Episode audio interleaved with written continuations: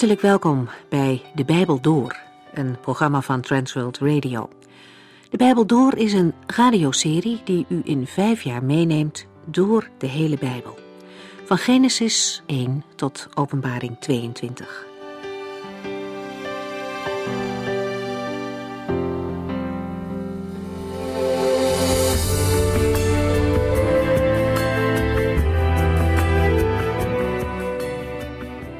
Voor we aan deze nieuwe aflevering beginnen, noem ik u graag nog even ons telefoonnummer.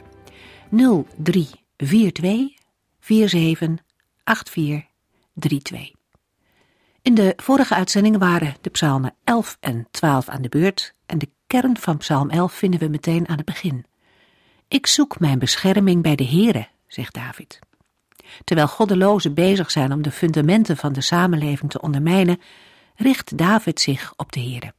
Het is de enige uitweg in zo'n situatie. Als het gaat om de fundamenten, dan denken we aan waarheid en het recht waarop een maatschappij gestoeld is. Als daar barsten in komen, dan dreigt er een groot gevaar. Het beeld dat David gebruikt laat zien dat het gevaar groter is dan het misschien lijkt. Wanneer de fundamenten worden aangetast, stort op den duur het hele gebouw in. Het vraagt een scherp inzicht om dit gevaar te onderkennen. Een fundament is veel minder zichtbaar dan het gebouw dat er bovenop staat. Ook in de christelijke gemeente geldt dit. We kunnen ons druk maken over de vraag welke kleur de gordijnen moeten hebben, stoelen of banken, de uiterlijke dingen, terwijl de vijand bezig is het fundament van het huis te ondermijnen. Als we dat niet in de gaten hebben, dan wordt het huis onstabiel. De barsten in het fundament laten het huis wankelen. Dan kunnen we nog een tijd lang bezig zijn met zaken die er minder te doen, maar na verloop van tijd stort alles in. En dan doen de gordijnstofjes er helemaal niet meer toe. Paulus schrijft dat Christus het fundament is van de gemeente. En de pijlen van de tegenstander zijn erop gericht om zijn waarheid aan te tasten. Wanneer we vast en zeker staan in geloof en de waarheid van het woord niet loslaten, dan zullen die pijlen geen doel treffen. Misschien moeten we wel wat meer investeren in de bewaking van de fundamenten van het christelijk geloof en ons wat minder druk maken over bijvoorbeeld de kleur van de muren of de gordijnen die in het huis hangen. Net als David mogen we daarbij vertrouwen dat God vanuit de hemel alles ziet. Vanaf zijn troon heeft hij het laatste woord. Vandaag lezen we verder vanaf Psalm 13.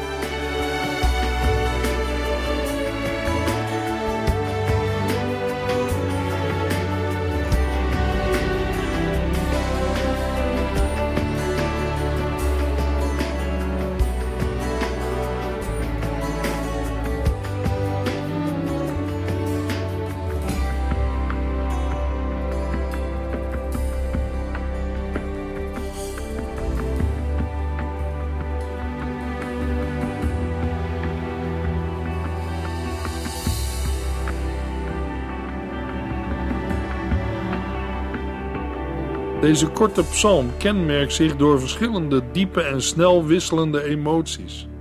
De dichter, David, lijkt eerst geen afstand te kunnen doen van zijn aanhoudende vraag: Hoe lang nog, heren? Toch weet hij, ondanks zijn ernstige nood, een plotselinge omschakeling te bewerken en besluit hij met vertrouwen en vreugde. Waarschijnlijk schreef David deze psalm toen hij door Saul of Absalom op de hielen werd gezeten.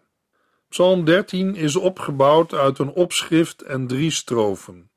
De eerste strofe, vers 2 en 3, is de aanhoudende klacht van de dichter. De tweede, vers 4 en 5, een gebed om verlossing. De laatste, vers 6, een uiting van vertrouwen en vreugde. Psalm 13, vers 1 en 2. Een psalm van David voor de koordirigent. Here, bent u mij helemaal vergeten? Hoe lang nog houdt u zich voor mij verborgen? Het opschrift van Psalm 13 is het inmiddels bekende een psalm van David voor de koordirigent. We vinden dezelfde aanhef als opschrift bij 55 psalmen in het Bijbelboek Psalmen. Waarschijnlijk werd deze psalm gebruikt in de context van het heiligdom voor de muzikale invulling van de eredienst.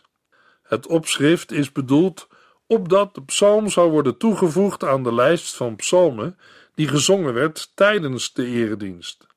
Zonder verdere inleiding begint David zijn psalm met een serie van vier of vijf vragen, direct gericht aan de Here. Het stellen van vragen aan elkaar is in het Oude Testament gebruikelijk. De meeste vragen van een mens, gericht tot God, staan in het Bijbelboek Job. De vragen komen op hetzelfde neer, maar worden in verschillende bewoordingen herhaald om de nood te benadrukken en die van alle kanten te belichten. Ze worden ingeleid door hoe lang en geven een verloop in tijd aan. Indirect blijkt dat David andere tijden verwacht. Blijft de Heere David voor altijd negeren? Hoe lang verbergt hij zich voor zijn dienaar? In de Hebreeuwse tekst komt het woord hoe lang vier keer voor. Het is indringend en komt niet op deze manier in andere psalmen voor. Alleen een enkele maal in Psalm 62, vers 4 en Habakkuk 1, vers 2. Een vergelijkbare uitdrukking vinden we in Psalm 74, 80 en 94. Uit bijvoorbeeld Exodus 16, vers 28 blijkt dat een dergelijke vraag retorisch is bedoeld, als klacht en niet om informatie te krijgen. Psalm 13, vers 3. Moet ik nog langer naar u uitzien? Dag in dag uit schreeuwt mijn hart om u. Laat u mij nog langer overheersen door mijn vijand? Hoe lang nog wordt David gekweld door zorgen en zijn hart overweldigd door verdriet?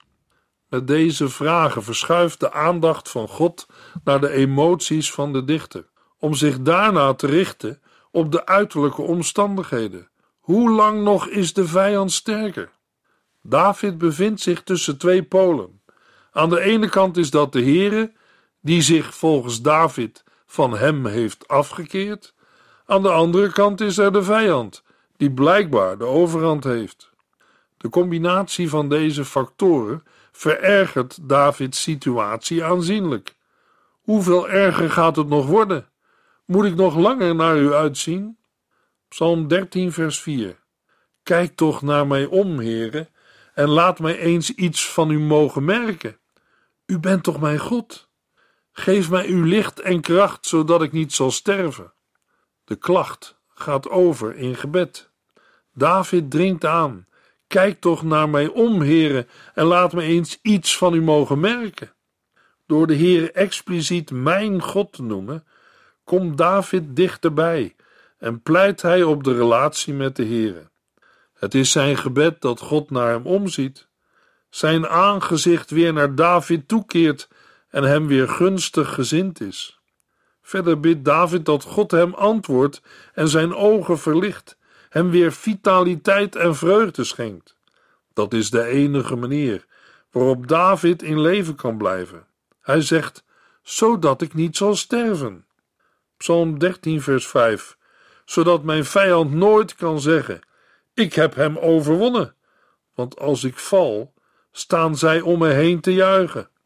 Bovendien zal hij dan niet door de vijand worden verslagen en, als hij sneuvelt, niet door de tegenstanders worden uitgejouwd. Psalm 13, vers 6. Maar ik stel al mijn vertrouwen op uw goedheid en liefde. In mijn hart is vreugde, omdat ik zeker weet dat u voor bevrijding zorgt. Ik wil een loflied voor de Heere zingen, want hij helpt mij altijd. Met nadruk plaatst David zich tegenover de vijanden. David vertrouwt op de gunst van de Heere en zijn verbondstrouw. Psalm 13 wordt wel gezien als een voorbeeldig Joods gebed met een klacht, pleidooi, vertrouwen en een lofprijzing. Psalm 13 maakt duidelijk dat het gebed ook hartstochtelijk mag zijn, met vragen aan God. Maar die vragen worden gesteld vanuit het vertrouwen dat de Heere zeker uitkomst geven zal. Psalm 14, vers 1. Een psalm van David voor de koordirigent. Een dwaas zegt bij zichzelf: Er bestaat helemaal geen God. De mensen begaan de ergste misdaden. Niemand doet wat goed is. Sinds de mens ervoor koos om zijn eigen weg te gaan en niet die van de Heere, gaat er op aarde erg veel mis. Dat geldt niet alleen voor het leven in de 21ste eeuw, maar voor alle tijden. Ongeveer 3000 jaar geleden dichtte David een psalm over het verval in zijn tijd. De oorzaak van de morele verdorvenheid die hij waarnam, ligt in het niet rekenen met God. In Psalm 14 beschrijft David een atheïsme in de praktijk. Er is geen God om rekening mee te houden. De dwaas handelt naar eigen inzicht. Op het morele vlak faalt hij. Het is mogelijk de psalm in te delen in een beschrijving van de dwaasheid van de kwaaddoeners in de versen 1 tot en met 4. Het gelovige antwoord met betrekking tot het aanstaande oordeel in de versen 5 en 6. En het verlangen naar de komende bevrijding in vers 7. De overeenkomsten tussen Psalm 14 en Psalm 53 zijn opmerkelijk. En het lijkt alsof het lied twee keer is opgenomen in het Bijbelboek Psalmen. Het belangrijkste verschil tussen de twee liederen, die beide afkomstig zijn van David, ligt in het gebruik van de naam van God. Waar David in Psalm 14 de voorkeur geeft aan de naam Heere, Yahweh, staat in Psalm 53 telkens God, Elohim. Waarschijnlijk werd Psalm 14, net als Psalm 53, regelmatig gebruikt in de Joodse erediensten. Het gaat in Psalm 14 om de praktische toepassing van wijsheid. Daarnaast bevat de psalm elementen van klacht en hoop op verlossing. Psalm 14, vers 1 en 2. Een psalm van David voor de koordirigent. Een dwaas zegt bij zichzelf: Er bestaat helemaal geen God. De mensen begaan de ergste misdaden. Niemand doet wat goed is. Vanuit de hemel kijkt de Heer op de mensen neer. Hij zoekt of er nog één verstandig mens is, iemand die hem zoekt. Zonder inleiding beschrijft de dichter de dwaas. Het gaat om de persoon die in moreel opzicht tekortschiet. Het is iemand die zich niets aantrekt van God of gebod en doet bovendien de rechtvaardige geweld aan. Het gaat om iemand die geen inzicht heeft in Gods werkelijkheid en geen besef van Gods gerechtigheid. In de wijsheidsliteratuur komt de dwaas vaak voor, als tegenovergestelde van de wijze. Bij zichzelf of in zijn hart denkt de dwaas: er is geen God. Er is geen goddelijk ingrijpen, geen God die zich laat gelden. De boosdoener leeft in de overtuiging dat hij van de Allerhoogste niets te vrezen heeft. Het gaat hier niet zozeer om een theoretische als wel om een praktisch atheïsme. De verdwaasde mens doet en laat wat hij wil. Hij leeft alsof er geen God is, terwijl hij Gods bestaan niet ontkent. De dwaas richt verderf aan. Zijn daden zijn in één woord gruwelijk te noemen. Het lijkt wel of er niemand is die goed doet. Dan beschrijft David het perspectief van de Heere. Het gaat er immers om hoe hij de mensen beoordeelt. Vanuit zijn hemelse woning kijkt de Heere naar de mensen om te zien of er nog iemand is met inzicht, iemand die hem zoekt om hem te dienen. Wat de Heere dan ziet, is niet bemoedigend. Psalm 14, vers 3. Maar alle mensen zijn van hem afgedwaald. Met elkaar zijn zij het spoor bijster. Er is zelfs niet één die doet wat goed is. De mensheid zit op een dwaalspoor, afgeweken van de rechte weg. De mensen zijn ontaard en bedorven. Een rechtvaardige is niet te vinden. David gebruikt deze woorden als een overdrijving ten aanzien van mensen in zijn omgeving. Het woordje alle mensen betekent vaak allerlei, velen. Door de woorden niemand of zelfs niet één in vers 1 en 3 en door de vraag naar één persoon die nog verstandig is in vers 2 wordt het grote aantal onderstreept.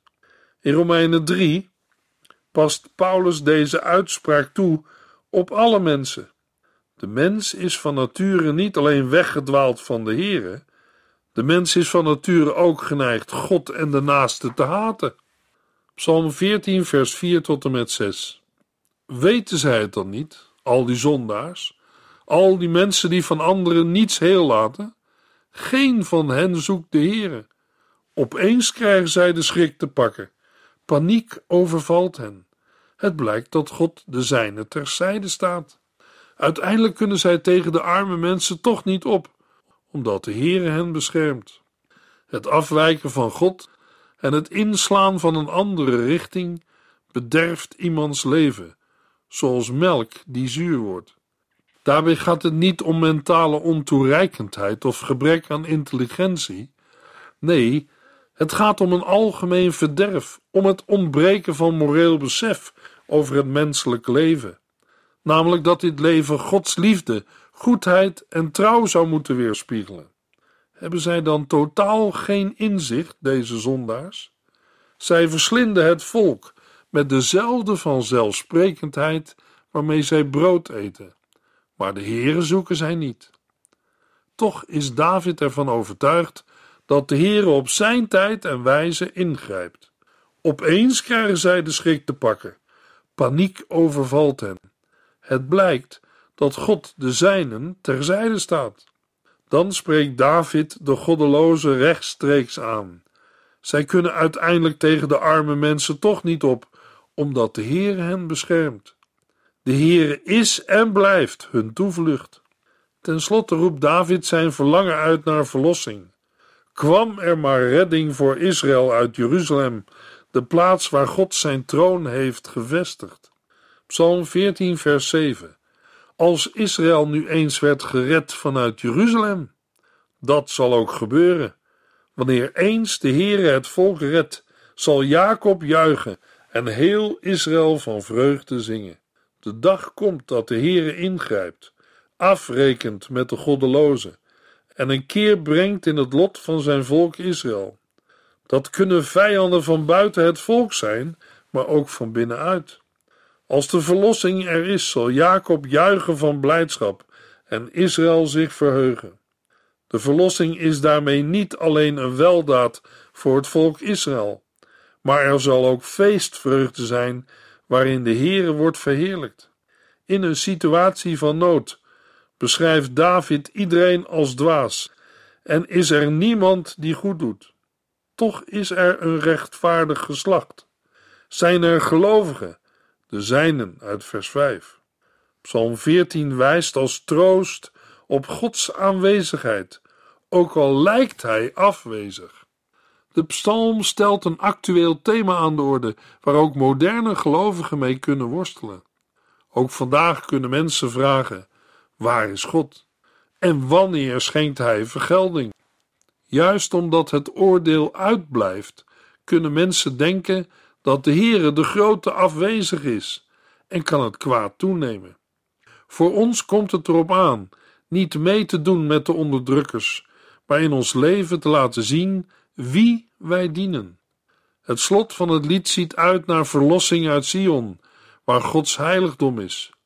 Na allerlei uitreddingen heeft God in de laatste dagen de Messias, zijn zoon Jezus, gezonden naar deze wereld en werd het heil vanuit Jeruzalem, vanuit Sion verkondigd. In de brief aan de Romeinen refereert de apostel Paulus aan Psalm 14, vers 1 tot en met 3 de rechtvaardigheid van de Heere, zijn grondige afkeer van geweld, maar ook zijn diepe verlangen naar gerechtigheid, komt meer voor in de psalmen. De Heere zit op de troon, observeert de mensen.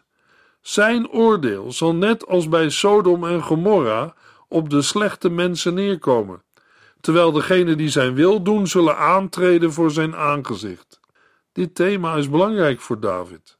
In uitzicht op de verlossing kan heel wat keren hoe lang worden gevraagd. In contrast met Psalm 14 vinden we in de volgende psalm de beschrijving van de rechtvaardige, degene die mag wonen bij de Heere.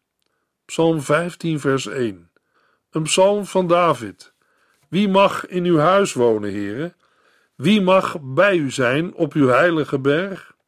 Psalm 15 is geen loflied, gebed of dankzegging, evenmin als Psalm 14, maar een verhandeling over de levenswandel van de rechtvaardigen. Daarom wordt de psalm vaak als wijsheidspsalm gekenmerkt. De relatie met de naaste en daarmee de relatie met de Heere staat centraal. Blijkbaar is een vrome levenswandel nodig om deel te kunnen nemen aan de eredienst. Ethiek en cultus mogen niet tegen elkaar worden uitgespeeld. Daarbij kunnen we ook denken aan de kritiek van diverse profeten. Zij wezen het volk op het feit dat offeren aan de Here een goede zaak is. Maar offeren zonder dat men er echt bij betrokken is, is verkeerd. Niet alleen de inhoud, maar ook de structuur van de psalm maakt het mogelijk dat het lied een didactische functie vervulde. Als onderdeel van het onderwijs voor jonge Israëlieten werd dan met behulp van dit lied stilgestaan bij de vraag naar de morele consequenties voor deelname aan de eredienst. Een verdere toepassing van Psalm 15 is dat de psalm deel uitmaakte van de eredienst in het oude Israël. Dat kan als volgt worden voorgesteld. Bij de aanvang van de liturgie stelt het volk hardop de vraag die we vinden in Psalm 15, vers 1. Bijvoorbeeld, wie voldoet aan de voorwaarden om te mogen naderen tot de Heere? Daarop antwoordt de priester met het opnoemen van de kenmerken van een gelovige uit de versen 2 tot en met 5 en het uitspreken van de belofte aan het eind van vers 5. Net als de meeste andere psalmen in het eerste hoofddeel van het Bijbelboek Psalmen, staat Psalm 15 ook op naam van David.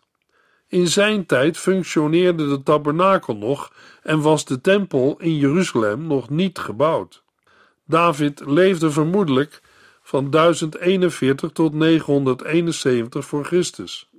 De tabernakel stond eerst in Silo, daarna in Nob en nog weer later in Gibeon. Psalm 15 is het tegenovergestelde van Psalm 14, waarin voornamelijk de slechtheid van de ongelovigen wordt beschreven. Hoewel de mens van nature niet gericht is op het zoeken van God, fungeert de Heer als toevlucht voor de rechtvaardigen en is er voor hen de belofte van een vreugdevolle toekomst. Psalm 14, vers 7. In Psalm 15 doet zich nu de vraag voor wie deze rechtvaardigen zijn, die bij de Heere mogen wonen. Of, zoals David de vraag verwoordt in Psalm 15, vers 1: Wie mag in uw huis wonen, Heere? Wie mag bij u zijn op uw heilige berg? De heilige berg van God is Sion, de heuvel ten zuidoosten van Jeruzalem, waarop later de tempel is gebouwd. Het antwoord op deze vraag naar de identiteit van de gelovigen bestaat uit elf elementen: drie positieve, drie negatieve, drie positieve en tenslotte twee negatieve. Psalm 15, vers 2 tot en met 5. Wie eerlijk en oprecht door het leven gaat en altijd de waarheid spreekt, wie niet kwaad spreekt, zijn naaste geen kwaad doet en voorkomt dat een ander wordt belasterd, degene die alles wat zondig is afwijst en respect heeft voor wie God zoeken en ontzag voor hem hebben. Als zo iemand in zijn eigen nadeel een belofte heeft gedaan, zal hij die toch nakomen. Hij zal zijn geld niet misbruiken voor woekerpraktijken en zich niet laten omkopen ten koste van onschuldigen. De eerste drie positief verwoorde kenmerken zijn een onberispelijke wandel, de uitoefening van gerechtigheid en het spreken van de waarheid met heel het hart.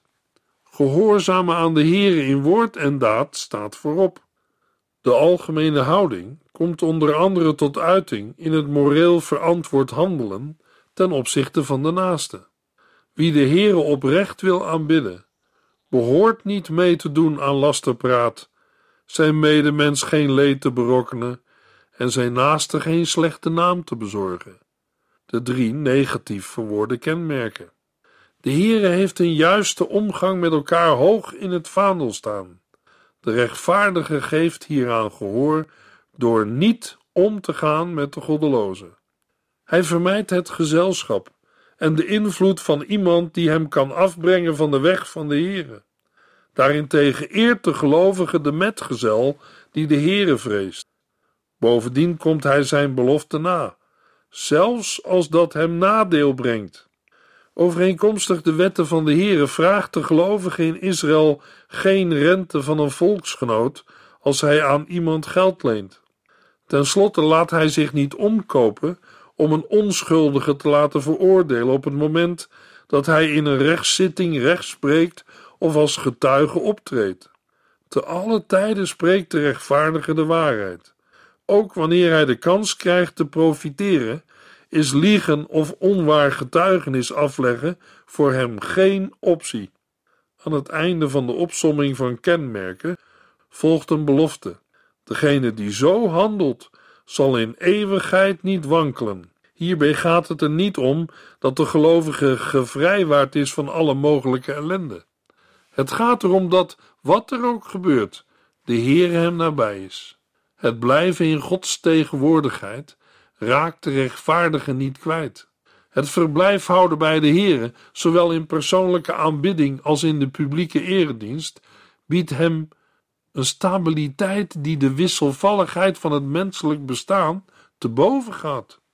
In Gods woning mag de gelovige zich geborgen weten.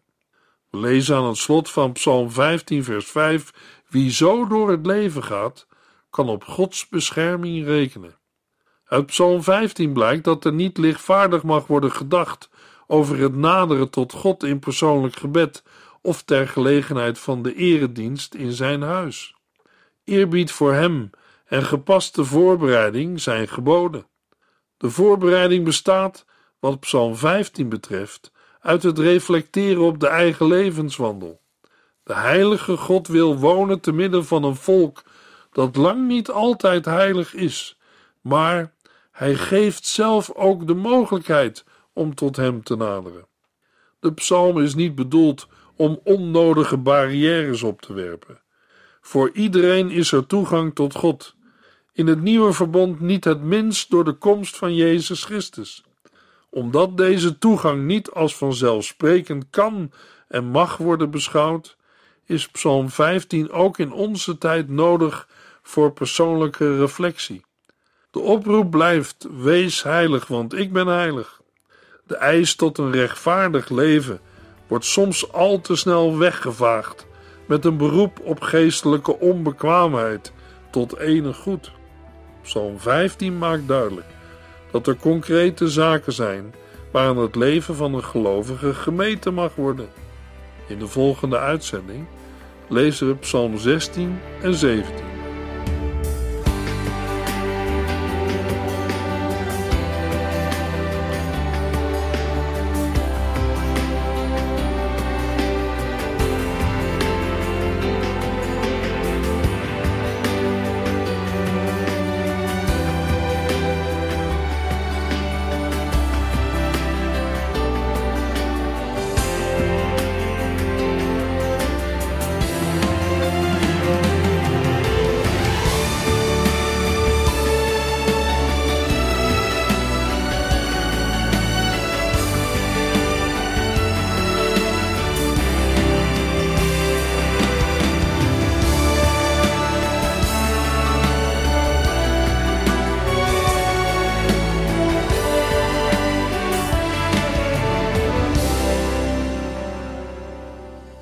Geluisterd naar De Bijbel Door.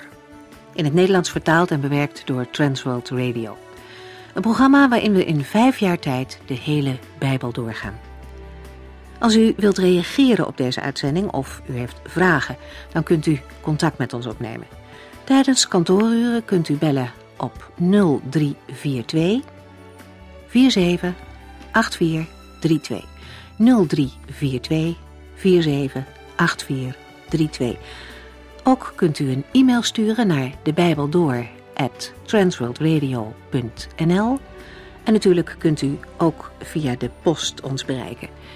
TWR, postbus 371, postcode 3770, AJ in Barneveld. Dit programma werd gepresenteerd door Cor Weda en Ike André. Techniek was in handen van Odin van Woerdekom. En wij allemaal bedanken u voor het luisteren. Graag tot de volgende keer.